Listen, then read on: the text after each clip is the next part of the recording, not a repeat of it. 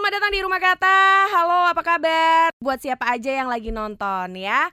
Uh, pastinya uh, the live Instagram bisa sahabat literasi dapatkan langsung aja masuk ke Instagramnya RRI Surabaya dan pastinya uh, juga bisa untuk yang pengen update terus mungkin telat nih nggak nonton sekarang bisa nonton di YouTube RRI Surabaya plus juga bisa lewat podcast keluarga angkasa ya. Oke pokoknya kita bakalan ngobrol-ngobrol ya sama salah satu penulis kita yang sudah hadir sudah terhubung di sini akan ada seorang aduh Ana suka banget nih sama nih orang soalnya apa? Karena dia ini masih muda tapi punya bakat menulis punya bakat nyanyi juga punya bakat ngonten lah. Pokoknya dia kalau bikin apa-apa itu selalu menarik perhatian.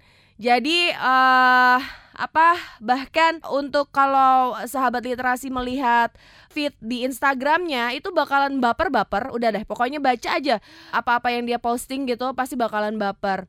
Hmm, karena dia adalah seorang content writer juga seorang apa ya pokoknya penulis ya kan?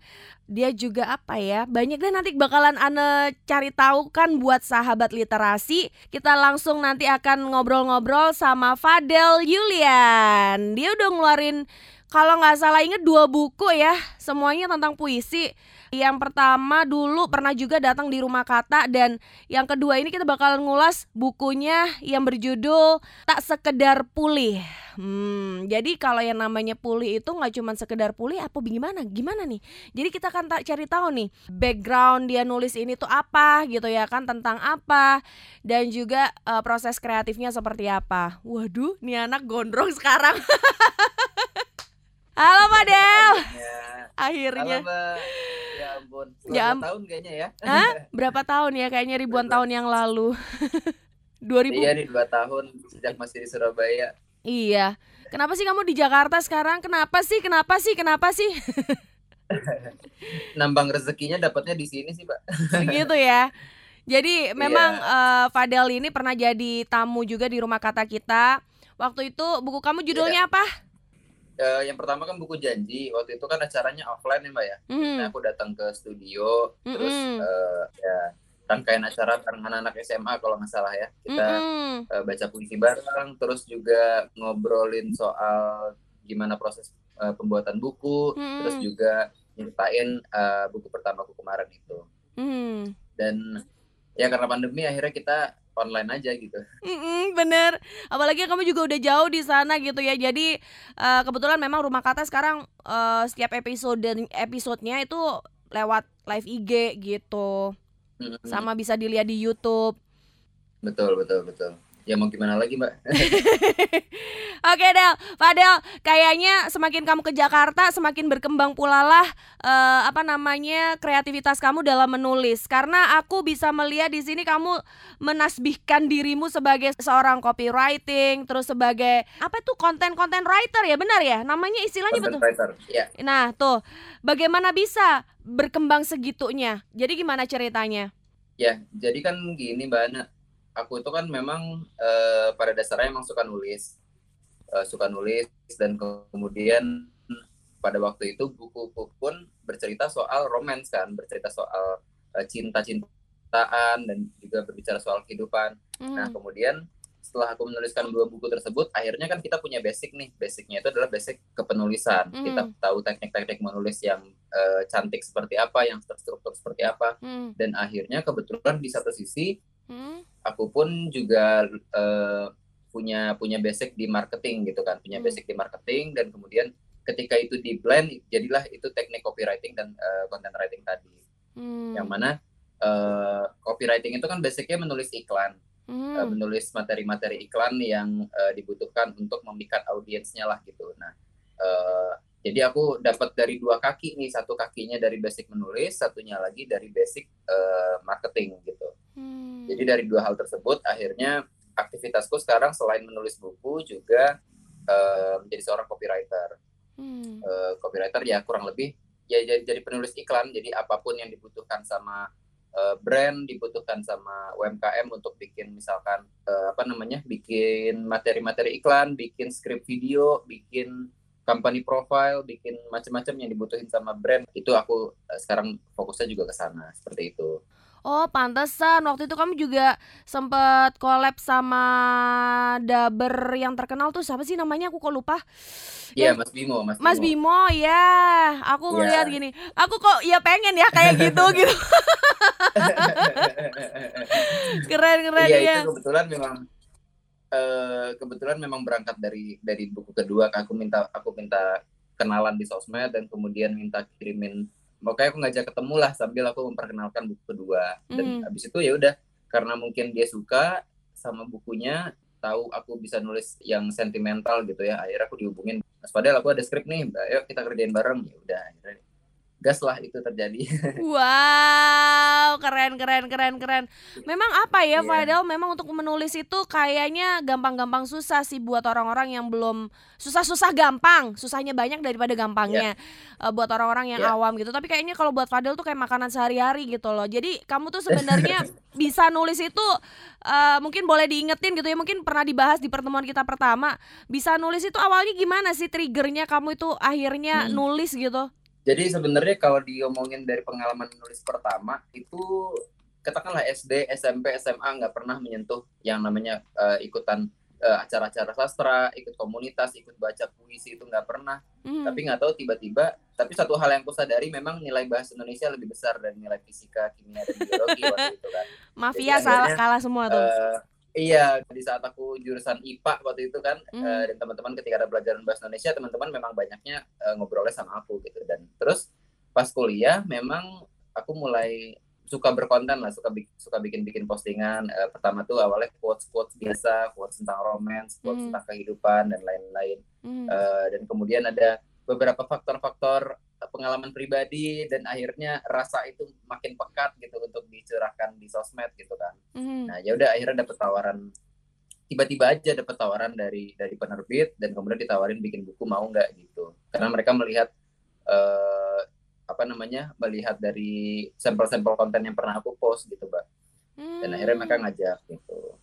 Jadi kamu dicari mutiara yang terbenda, terpendam keluar, ditemukan terus akhirnya jadi deh gitu ya. Iya. Kurang lebih kayak gitu ya. Iya iya iya iya. Eh, Sementara orang lain tuh susah-susah gitu bikin tulisan eh buat disetorin ke penerbit. Ayo dong siapa nih yang mau nerbitin buku aku? Kamu semudah itu, Iya. Padel. Iya. Dan memang eh ini sih ya.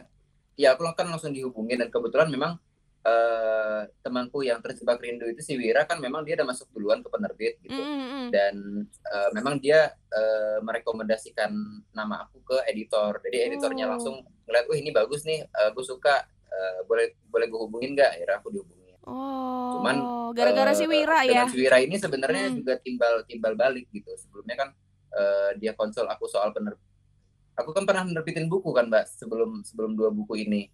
Hmm. self publish aku bikin sendiri, aku terbitin sendiri, aku tulisannya juga tulisan tulisan curhatan pribadi doang gitu, Hmm. tapi aku terbitin pribadi.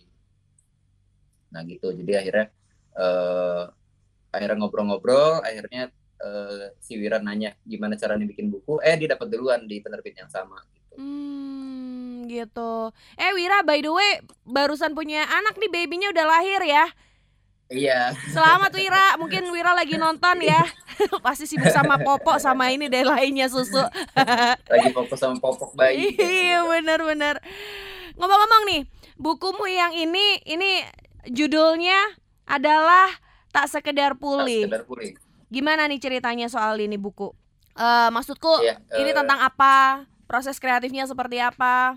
Ya, jadi sebenarnya buku tak sekedar kuliah itu adalah buku lanjutan dari buku janji yang pertama. Di mana kalau di buku janji yang pertama itu kan konsep awalnya itu adalah perjalanan cinta.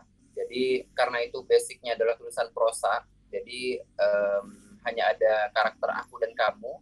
Jadi itu eh, ibaratnya kayak monolog, kayak kayak tulisan-tulisan ngobrol sendiri gitu. Nah, Hmm. di perjalanan cinta di buku janji tersebut kayak mulai dari rasa-rasa bucin itu ada, rasa-rasa perpisahan juga ada, rasa-rasa rindu tapi nggak bisa ketemu juga ada. Pokoknya semua bentuk perasaan ada di buku janji itu. Nah setelah itu eh, intinya di bab janji, di buku janji itu akhirnya kan adalah perpisahan. Hmm. perpisahan karena emang hubungannya nggak bisa dilanjutin akhirnya di buku tak sekedar pulih uh, ini adalah konsep uh, mengusung konsep pulih uh, yang sejatinya dijalani sama kedua orang yang baru saja berpisah gitu uh, karena di buku janji yang terakhir itu kan ditulisin uh, tidak perlu merasa sedih uh, karena kita sudah ada di ruang perjalanan yang berbeda semoga kamu baik-baik saja di sana dan uh, semoga kita ketemu di ruang pulih masing-masing dan di ending akhir itu baru masuklah di buku kedua di tas sekedar pulih itu. Jadi di tas sekedar pulih itu kebanyakan bercerita soal gimana sih cara kita mengikhlaskan, gimana sih cara kita uh, bersikap dewasa dan setelah kita merasa ikhlas tersebut, ya udah kita ngapain setelah itu? Apakah kita masih bisa melakukan sesuatu yang lebih baik, bisa bermanfaat? Intinya uh, kebijaksanaan lah outputnya dari dari dari buku tas pulih itu. Jadi kayak habis patah hati, akhirnya dia dapat sesuatu yang gak cuma masalah cinta, tapi juga masalah kehidupan, masalah orang-orang keliling dia, masalah sosial dan lain-lain. Hmm, Oke. Okay. Aduh, aku tuh ngerasa kamu tuh kayaknya apa ya, dapat dapat inspirasinya tuh banyak banget gitu. Tapi paling banyak memang dari 100% itu dari kamu sendiri ya kayaknya pribadi gitu ya. Iya, makanya sering-sering lah patah hati biar dapat keresahan itu. makanya itu kalau aku nggak bisa soalnya kalau aku lagi patah hati iya. bawaannya makan nah makanya muncullah ini muncullah ini gitu kan kalau kamu hasilnya adalah Tapi sebuah itu, tulisan uh, apa namanya uh, memang ya boleh diakui di buku janji itu adalah pas banget di bab empat yang aku tulis itu pada waktu itu memang itu pada saat aku putus gitu. Hmm. kan di janji ada empat atau empat bab. Tiga bab udah kelar satu bab ini nggak kelar kelar ini bab soal perpisahan. Pas banget aku putus sama pacarku yang dulu. Akhirnya satu bab ini bisa selesai dalam satu malam loh mbak. Satu bab ini bisa selesai satu malam dan kata kata editorku ini ini paling bagus daripada yang lain.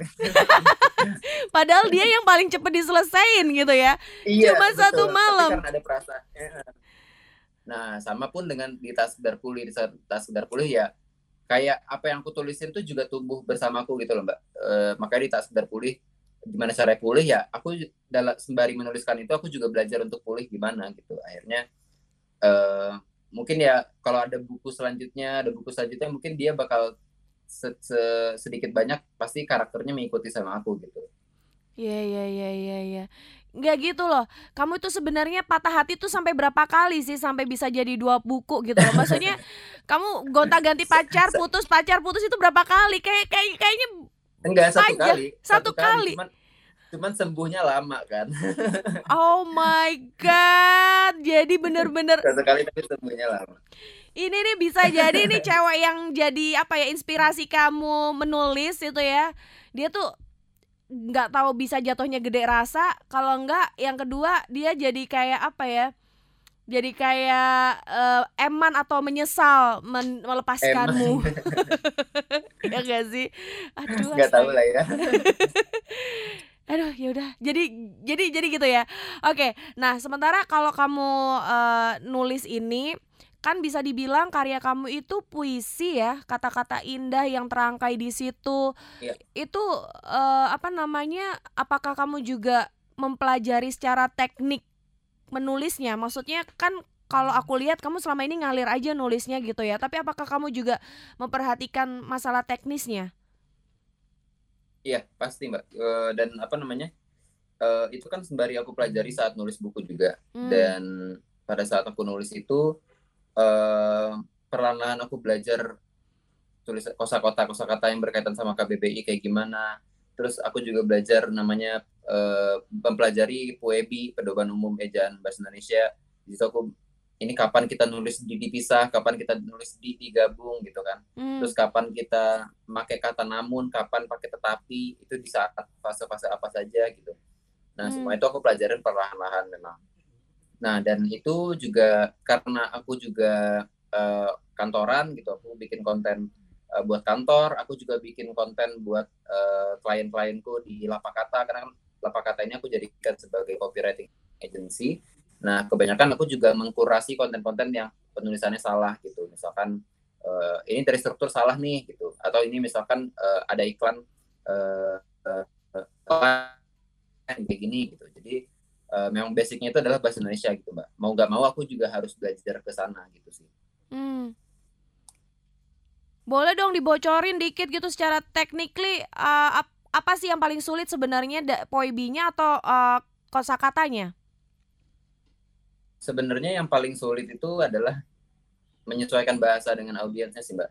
Dalam arti um, kita menggunakan kosakata kosakata yang tepat sebenarnya kan penggunaan KBBI itu kan nggak harus selalu nggak harus selalu diterapkan. Dalam arti eh, nggak uh, harus setiap iklan nggak harus setiap materi materi konten itu harus sesuai KBBI kan. Cuman hmm. sebagai seorang penulis selainnya dia tahu nih uh, aslinya itu KBBI-nya apa supaya dia punya pedoman itu untuk bisa menyesuaikan ke uh, konten-konten yang lain gitu. Uh, paling yang paling sulit itu sih dalam untuk memahami kulik puebinya itu sih uh, mungkin teman-teman yang lain juga udah pernah tahu ya misalkan ada ada pedoman uh, umum ejaan banyak banget. Semua kapan kita pakai titik kapan kita pakai koma terus juga uh, gunanya koma itu buat apa terus juga uh, tetap konjungsi korelatif konjungsi ya macam-macam lah istilah-istilah kayak gitu yang harus dipahamin.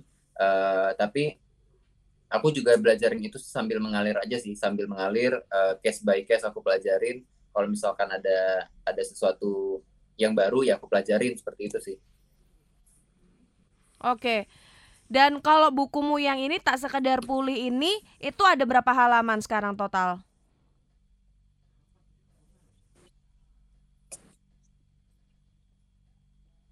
Uh, ada dua ratusan, Mbak. Dua ratus sepuluh kalau nggak salah. Dua ratus? 200 iya. halaman. Yeah. itu tulisanmu yeah, semua kan itu. itu kan tulisanmu sendiri semua kan itu? Iya dong. Enggak, aku tuh gini loh, karena aku aku juga juga kemarin kan aku baru nulis, uh, tapi cerpen, anto, antologi gitu. Jadi kan di situ banyak penulis, aku hanya sebagai kontributor gitu. Tapi aku merasa menulis lima lembar halaman aja tuh udah kayak ya Allah susah gitu loh. ini kamu 200 halaman ini kamu sendiri. Iya. Kayak sebenarnya karena ini sih uh, karena keresahan sih Mbak sebenarnya. Kalau misalkan nih di hari ini di detik ini aku disuruh nulis buku janji lagi dengan perasaan yang sama dengan dengan kekuatan yang sama mungkin nggak akan sebagus buku janji tetap sudah pulih kalau aku tuliskan sekarang lagi gitu. Mm. Uh, karena banyak faktor kan aku mulai juga mulai nge-rebranding diri aku sebagai copywriter uh, aku juga mulai nge-branding diri aku buat ke brand-brand ke buat UMKM yang pakai jasa jasa penulisan dari aku. Nah jadinya uh, jadi kayak apa ya uh, rasanya itu udah udah beda kalau misalkan aku tulis lagi mungkin nggak bakal sama feelnya gitu. Makanya uh, mungkin pesan juga ke teman-teman kalau uh, kalau misalkan teman-teman pengen bikin karya ya bikin di saat itu juga kalau misalkan udah kepengen udah tahu pengen bikin apa langsung tulis aja karena siapa kalau teman-teman tunda terus lima tahun 10 tahun hmm. ya nanti rasanya rasa semangat itu nggak bakal sama lagi kayak dulu gitu uh, kalau misalkan dulu aku patah hati dan kemudian aku nggak nulis buku ya mungkin jalanku nggak ke sini gitu kan hmm. uh, dan juga ketika aku disuruh tulis patah hati 2018 dua tahun kemudian baru ditulisin mungkin perasaannya nggak bakal sekuat dulu gitu sih hmm. itu sih yang uh, poin yang aku dapat gitu oke okay. Fadel aku tuh kerasa gini ya kamu tuh nulis uh, berdasarkan cerita keresahan-keresahan gitu ya terus sekarang uh, yang kamu rasakan gini gini maksud aku gini keresahan-keresahan itu tadi itu kamu uh, kamu yeah. pendam kamu masukkan ke dalam peti kamu kunci petinya atau uh, apa namanya atau kamu kamu ini kamu biarkan apa ya biarkan dia ada supaya kamu tetap kreatif gitu. Maksudku gimana ya? Jadi kalau memang sekarang lagi nggak patah hati gimana dong kalau mau nulis patah hati gitu loh maksud aku? Oh gitu. Uh, sebenarnya karena sudah mulai terbiasa ya mbak kita kan kalau misalkan pekerja kreatif itu kan kalau nggak dia menemukan dari keresahan dia sendiri buat bikin materi uh, dia juga harus deep down ke perasaan tersebut dari riset-riset tapi kalau misalkan berkaitan sama perasaan, berkaitan sama sesuatu yang sentimental, ya berarti kita bangun moodnya aja sih. Kita hmm. bangun mood yang sedih. Mungkin kita flashback lagi beberapa tahun yang lalu, moodnya seperti apa. Dan mungkin kita setel lagu-lagu sedih gitu. Jadi lebih ke ritual-ritual untuk membangkitkan feeling feeling atau mood yang sedih atau bahagia itu tadi sih mbak. Hmm. Eh, karena kan lagi-lagi jadi seorang penulis jadi seorang copywriter dia juga harus menyesuaikan apa kebutuhannya kan. Eh, nah kemampuan untuk adaptasi itulah yang penting gitu. Hmm. Eh, gimana caranya kita bisa menyesuaikan tulisan-tulisan kita. Eh, cuman karena ya pengalaman dari buku nulis buku janji dan buku das sekedar pulih tahu nih mana part-part romansnya mana part-part sentimentalnya seperti apa jadinya udah terbiasa kalau bisa menyesuaikan cuma maksud aku yang tadi itu masa- masalah feelingnya sih. Feelingnya tuh jadi nggak nggak sekuat dulu kalau misalkan disuruh tulis lagi. Mungkin bakal ada kisah cinta kisah cinta yang lain bakal aku ceritain eh, ketika aku lagi menjalani hidup yang sekarang gitu. Atau Hmm. mungkin eh, nggak selalu dari diri sendiri. Misalkan sekarang nih ada di waktu-waktu di mana teman-temanku pada curhatnya ke aku semua. Nah dari situ kebanyakan aku bikin konten. Entah itu kalau nggak jadi buku ya akhirnya aku bikin eh, jadi konten. Jadi konten di sosmed jadi konten di mana gitu-gitu Hmm. jadi kemampuan mengolah gitu sih mengolah moodnya eh, kemampuan mengolah mengolah eh, keresahannya gitu keresahan itu nggak cuma dari diri sendiri tapi juga dari eh, orang lain gitu Hmm. seperti itu mbak Sementara kamu juga sekarang ini kan terikat sama penerbit nih. Apakah ada target-target juga dari penerbit gitu? Eh, kebetulan kalau target dengan penerbit khususnya di kalau di penerbit mayor itu kan eh, dia itu adalah bukan kontrak kontrak personal jadi kontrak buku. Jadi Hmm. kontraknya bukan eh, person person to publisher tapi book to publisher. Jadi kewajibanku adalah eh, hanya untuk mempromo mere- sama-sama punya kewajiban untuk mempromosikan. Jadi untuk KPI dan lain-lain yaitu jadi tanggung jawab yang harus disadari bersama aja gitu. Lo kalau misalkan mau lebih lebih dikenal ya lu harus gencar promosiin sebagai penulis gitu. Penerbit pun Hmm. begitu dari sisi bisnis mereka pengen eh, penjualannya tinggi ya mereka juga harus promosi gitu sih Hmm. Jadi apa nggak ada target gitu? kalau target ada misalkan dalam dalam arti misalkan pada saat em, pada saat habis terbit nih misalkan eh, PO harus seribu ya bisa nggak nih akhirnya ke challenge lah eh, baik dari diri sendiri atau ke dari penerbit oke kita sepakatin eh, pre-order seribu buku kejual ya oke deal akhirnya jalan gitu Eh, kira-kira dari dari target ini kita mau bikin apa? Oh iya ya udah kita pasang kita bikin seminar offline misalkan atau enggak kita kita taruh di beberapa bazar misalkan. Nanti kita misalkan set di beberapa toko buku online kita bikinin giveaway giveaway hadiahnya eh, voucher gitu misalnya. Hmm. jadi lebih ke strategi itu. Dan sebagai seorang penulis eh, enam ketika menerbitkan buku enam bulan pertama 4 sampai enam bulan pertama itu sangat menentukan dari penjualan-penjualan selanjutnya jadi eh, biasanya ketika karena penerbit juga pasti menerbitin buku-buku lain jadi eh, dia pun juga harus memfokuskan ke buku-buku baru yang lain gitu. Jadi sebisa Hmm. mungkin di empat bulan pertama itu kita udah mikirin apa gimmicknya apa targetnya segala macamnya. Karena setelah empat bulan itu kan pasti buku-buku baru bakal terbit lagi dan lama kelamaan ya eh, buku-buku yang udah kita tulisin diandelinnya cuma di toko buku yang udah ditaruh aja gitu Hmm. itu sih buat bayangan aja. Hmm. Iya ya, kalau kalau penerbit mayor gitu ya kita nggak perlu bingung-bingung apa namanya untuk naruh buku di apa namanya toko-toko buku gitu ya.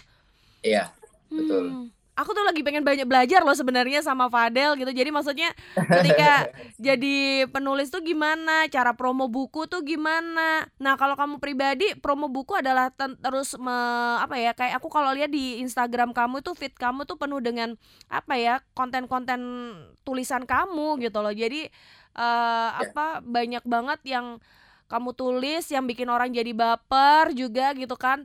Terus kamu juga menyajikannya dengan indah juga gitu. Jadi tidak hanya sekedar kata-kata tapi kamu apa ya layoutnya kamu bikin sebagus itu gitu loh. Ya. Itu kamu lakukan sendiri atau kamu kamu punya apa ya tenaga khusus untuk kamu pekerjakan untuk gitu gitu atau gimana? Atau memang Enggak, dari pen masih sendiri masih 100% masih sendiri ulu? Ya ampun, aku pengen bahkan bisa. pada pen- terbitnya buku tak sekedar pulih itu Mm-mm. terbitnya buku tak sekedar pulih kan eh, tahun lalu 2020 bulan Januari Mhm. jadi pada saat itu kan aku juga bikin merchandise merchandise-nya itu ada ada tas ada kaos ada pokoknya package lah satu package gitu Hmm. itu ada kejual kalau nggak salah ada 60 ada 60 eh, package yang kejual dan itu aku yang pack aku yang order ke satu satu vendor kaos aku yang pesenin. Satu vendor tote bag aku yang pesenin. Uh, buat cetak-cetak aku yang mikirin. Terus juga buat package pack, packaging 60 pre-order itu aku yang aku yang packingin. Terus kadang kalau di Jakarta aku yang nganter-nganterin gitu. Jadi itu uh, pengalaman yang yang seru banget aku lewatin sih pada saat itu. Dan kebanyakan dari 60 itu hmm. selain itu pun aku juga makanya aku kasih ke Mas Bimo. Makanya aku bisa dekat kemarin sama Mas Bimo buat diajakin collab karena aku ngasih merchandise itu kan. Hmm. jadi aku pisahin merchandise buat dijual sama merchandise buat promo ke uh, influencer-influencer misalkan. Hmm. jadi uh, ya itu sendiri mbak. Jadinya itu punya pengalaman termasuk modalnya juga modal sendiri? Eh ya of course. Sendiri. Wah. Wah nanti lanjut jabri deh aku pengen. Aku aku tuh gini loh. Masa cuma mandek gini aja gitu kan nulis gitu kan. Tapi aku yeah. juga pengen pengen ah ini juga salah satu yang pernah aku obrolin juga sama kamu di WhatsApp gitu ya. Aku pengen rumah kata ini jadi rumahnya teman-teman penulis yang pengen mempromosikan karyanya itu datang aja ke sini gitu. Nah, yeah ya, apalagi kalau bisa kerja sama gitu maksudnya dalam artian uh, mungkin sama penerbitnya nanti siapa aja siapa uh, penulis penulisnya bisa langsung ke sini gitu. Oke oke. Ya. baik. Oke okay. untuk tak ken, uh, tak sekedar pulih. Tak sekedar pulih ini akhirnya adalah cerita tentang apa namanya kebijaksanaan kebijaksanaan setelah putus lah. Pokoknya uh, lebih wise yeah. aja gitu kan. Nah uh, yeah apa ya yang paling paling mengena di di tak sekedar pulih itu ada di halaman berapa? Aduh aku lupa lagi. Uh, pokoknya itu ada hmm, nama tulisannya itu ada part namanya belajar memaknai cinta. Hmm. Belajar, belajar memaknai cinta. Nah di situ itu ada part uh, belajar memaknai cinta um, aku lupa halaman berapa tapi itu kan ada daftar isinya nanti teman-teman kalau misalkan beli ada ada tulisan. Itu part favorit aku sih belajar memaknai cinta namanya. Hmm, itu part favorit kamu. Belajar memaknai ya, cinta. Kenapa itu jadi belajar favorit kamu? uh, kalau nggak salah uh, sama satu lagi yang waktu itu aku sempat bawain sama Mas Bimo. Uh, pada saat itu kan aku tuh di tas sekedar tulis suka yang namanya eh kedua buku sih. Aku suka bikin namanya bikin tulisan analogi hmm. dalam arti melakukan pengamatan sekitar dan kira-kira kalau diterjemahkan jadi jadi kisah cinta tuh kira-kira jadi apa kayak misalnya eh, gedung-gedung perlahan bertindak kasar uh, saling seenaknya mencakar ambisi gitu kan gedung-gedung kan pada kalau di Jakarta gedung-gedung pada tinggi saling mencakar langit gitu hmm. mereka uh, berlomba-lomba untuk berambisi gitu sampai lupa bahwa yang di bawah bahwa yang di bawah ini sudah terlibas oleh arogansi mereka gitu. Mm-hmm. Dalam arti banyak kampung-kampung yang terdesak segala macam dan lain-lain. Sama seperti kita. Uh, percakapan kita tidak pernah hengkang tentang topik tentang saling uh, mengalahkan. Uh, intinya tuh kalau analoginya itu adalah gedung pencakar langit yang saling berambisi, saling mencakar langit gitu. Sama dengan hubungan kita yang saling nggak mau kalah, nggak mau uh, pengennya debat terus dan akhirnya kita uh, uh, kita kita nggak sama kita sama-sama kalah terus nggak ada pemenangnya gitu intinya kayak gitu bercerita hmm. dicerita soal uh, salah satu part di buku tak sudah pulih gitu. jadi aku beli banyak soal analogi-analogi gitu sih mbak hmm. gaya tulisannya atau lagi sama kalau yang lebih aneh lagi di buku janji itu pernah ada namanya analogi kunci stang uh, ini part favorit kenapa aku juga di semakin tertarik uh, diajak buat bikin buku uh, karena dari dari analogi kunci stang itu bisa jadi pemaknaan cinta. Jadi kan kunci stang itu kan kalau kita parkir motor, kadang kan tukang parkirnya bilang gak usah dikunci stang ya, kadang kan hmm. kan sering kayak gitu. Hmm. Nah uh, dari kita mendengar itu kan kita jadi mikir, oh ini kayaknya ada bisa dikaitkan dengan cinta gitu, di mana uh, tujuan untuk kunci stang itu nggak dikunci kan supaya nggak ngeribetin tukang parkir dan juga orang lain yang bakal keluar masuk kan mbak. Hmm. Nah sama dengan dengan dengan cinta gitu. Uh, kita boleh kita kita boleh curiga, kita boleh insecure, tapi kalau kita terlalu over terlalu over curiga, over uh, uh, apa namanya over over posesif, pada akhirnya itu nggak cuma ngerugiin tukang parkirnya atau nggak ngerugiin pasanganmu, tapi juga ngerugiin orang yang di sekelilingmu yang parkir juga gitu. Jadi uh, pemaknaan-pemaknaan itulah yang dari kunci stang akhirnya kalau di, dimasukin ke cinta jadinya kayak gitu. Kamu tuh bisa aja ya jadi kunci stang. Tapi masuk sih, masuk analoginya masuk sih. Yeah. Ya ampun, jadi yeah. kamu harus sesensitif itu ya. Aduh, aduh, aduh, aduh. Kalau kalau kalau memang ngomongin soal Fadel tuh nggak ada habisnya. Tapi yang jelas Fadel boleh dong kasih tips ini terakhir kita ya. ngobrolin uh, apa namanya tips kamu dalam menulis nih gimana. Soalnya aku ngerasa kayaknya waktu kita tuh nggak cukup deh cuman 30 sampai 40 menit ini aja gitu kan. Jadi boleh deh dibikin singkat yeah. deh gimana? Uh, tips menulis uh, menurut aku dalam bidang apa pun dalam kita dalam menekuni sesuatu mm -hmm. uh, konsisten itu adalah hal yang penting dimulai dari konsisten. Konsisten itu akan membentuk jam terbang, dari jam terbang itu akan membentuk kualitas dan kualitas itulah yang orang akan kenal kita sebagai karakter gitu. Jadi hmm. kuncinya mulai dari konsisten dulu, dari konsisten ketemu ketemu tuh jam terbangnya, kita udah terbiasa. Outputnya kan terbiasa, dari udah terbiasa, akhirnya kita lama-lama kebentuk kualitasnya. Kita tahu mana yang salah, kita tahu mana yang benar, mana yang harus dipertahankan, mana yang dikurang-kurangin, hmm. akhirnya terbentuklah kualitas. Nah sedikit banyak kualitas itulah yang akan jadi unique value kita yang itu akan jadi karakter bagi orang yang membaca gitu sih. Hmm. Jadi pesanku ya mulai dari konsisten, habis itu nanti kualitas juga bakal terbentuk. Oke deh, baik baik baik baik. Oke deh, Padahal thank you ya udah ngobrol-ngobrol seru banget. Uh, yang jelas ya. kamu juga bisa updatein uh, rumah kata ini nanti di YouTube RRI Surabaya juga ada gitu ya. Terus nanti juga bisa ya. di keluarga angkasa podcast itu ada juga. Padahal thank you so much. Nanti kita ngobrol-ngobrol lagi lanjut ya. Oh iya, oh, terakhir terakhir. Ya. Uh, kalau mau beli buku kamu selain uh, di toko buku, toko buku mana? Toko buku uh, mana aja? Toko buku di Gramedia. Gramedia. Di, um, ya paling gampang cari di Gramedia aja ada. Uh, kalau misalkan nggak ada stoknya bisa ditanyain ke ke mbak-mbaknya gitu. Nanti dicariin stok mana yang lagi ada lagi di ada. kota anda. Jadi kan kadang uh, di satu kota ada beberapa Gramet gitu tapi di Gramet satu kadang ada yang nggak ada nanti dia cariin stok yang di ada di kota itu udah di mana gitu sih Oke deh kalau gitu. Oke siap, makasih Fadel. Sampai ketemu lagi. Bye bye. Thank you Bana. Semangat ya.